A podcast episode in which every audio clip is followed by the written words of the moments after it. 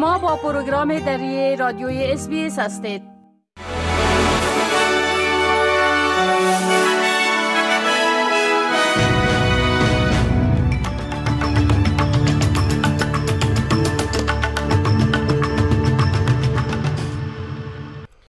با عرض سلام ما صاحب شکیب شما را به شنیدن مهمترین اخبار امروز 11 ماه آگست سال 2023 دعوت می کنم.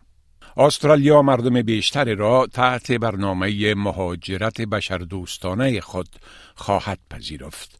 این کشور پس از این سالانه 20 هزار نفر را به دلایل بشردوستانه خواهد پذیرفت که این شمار نسبت به 17875 نفر در گذشته بیشتر است. اندرو جایلز وزیر مهاجرت می گوید این افزایش به استرالیا اجازه خواهد داد تا نقش بیشتری را در رسیدگی به بحران جهانی انسانی ایفا کند. فلیپ لو رئیس بانک خزانه که به زودی از این مقام کنار خواهد رفت پیشنهاد حزب گرینز برای توقف افزایش کرایه خانه ها را به حیث پاسخ به بحران مسکن رد کرده است. حزب گرینز این هفته یک تحقیقات کتابخانه پارلمان را نشر کرد که تخمین می‌زند که در صورت توقف کرایه ها کرایه نشینان به صورت اوسط می توانند در سال مالی جاری بیش از دو دلار صرفه کنند. صدر اعظم انتونی البنیزی می گوید که متوقف ساختن کرایه خانه ها بخشی از صلاحیت حکومت فدرالی نمی باشد. جناح مخالف فدرالی چین را در برخورد با ژورنالیست استرالیایی چنگلی به ظلم کردن متهم می کند. در آخر این هفته سه سال از زندانی شدن خانم لی ژورنالیست سابق تلویزیون دولتی چین در آن کشور سپری خواهد شد. او در حالت توقیف بیانیه منتشر کرده که در آن از خاطرات دوران اقامت خود در استرالیا با اشتیاق یادآوری و جزیات دلخراش توقیف خود را فاش کرده است. پلیس استرالیای غربی در مورد مرگ یک بومی دیگر در توقیف تحقیقات می کند. یک مرد 41 ساله بومی بعد از ظهر دیروز در حالت بدی در سلول خود در زندان منطقه البنی پیدا شد. کارکنان زندان تا رسیدن کارمندان سیهی کمک های اولیه را فراهم کردند. معمورین سیهی او را به شفاخانه منتقل کردند ولی نجات داده شده نتوانست.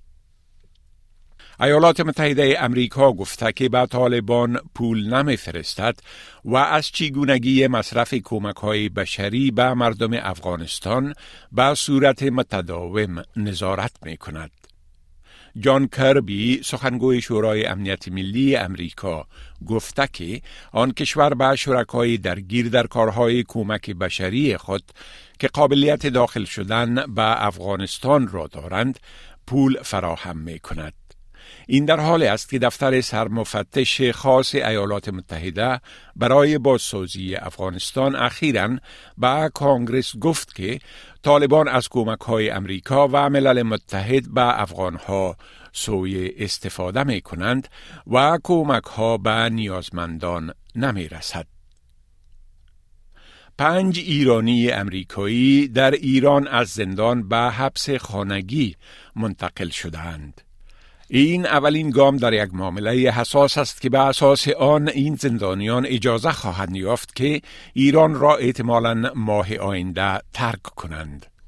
در گام بعدی بیش از 9 میلیارد دلار پول ایران که در کوریای جنوبی تحت تحریم های ایالات متحده متوقف شده به حکومت ایران از طریق قطر پرداخته خواهد شد. مقامات ایرانی می‌گویند که امریکا چند طبعه این کشور را هم آزاد خواهد ساخت. این بود خلاصه از مهمترین اخبار از برنامه دری اس بی آدیو. شما می توانید گزارش های بیشتر درباره موضوعات گوناگون را در وبسایت ما به آدرس sbs.com.au دری بشنوید و بخوانید.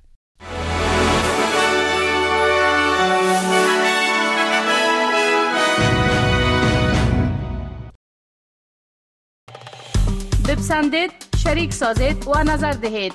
اسپیس دری را در فیسبوک تعقیب کنید.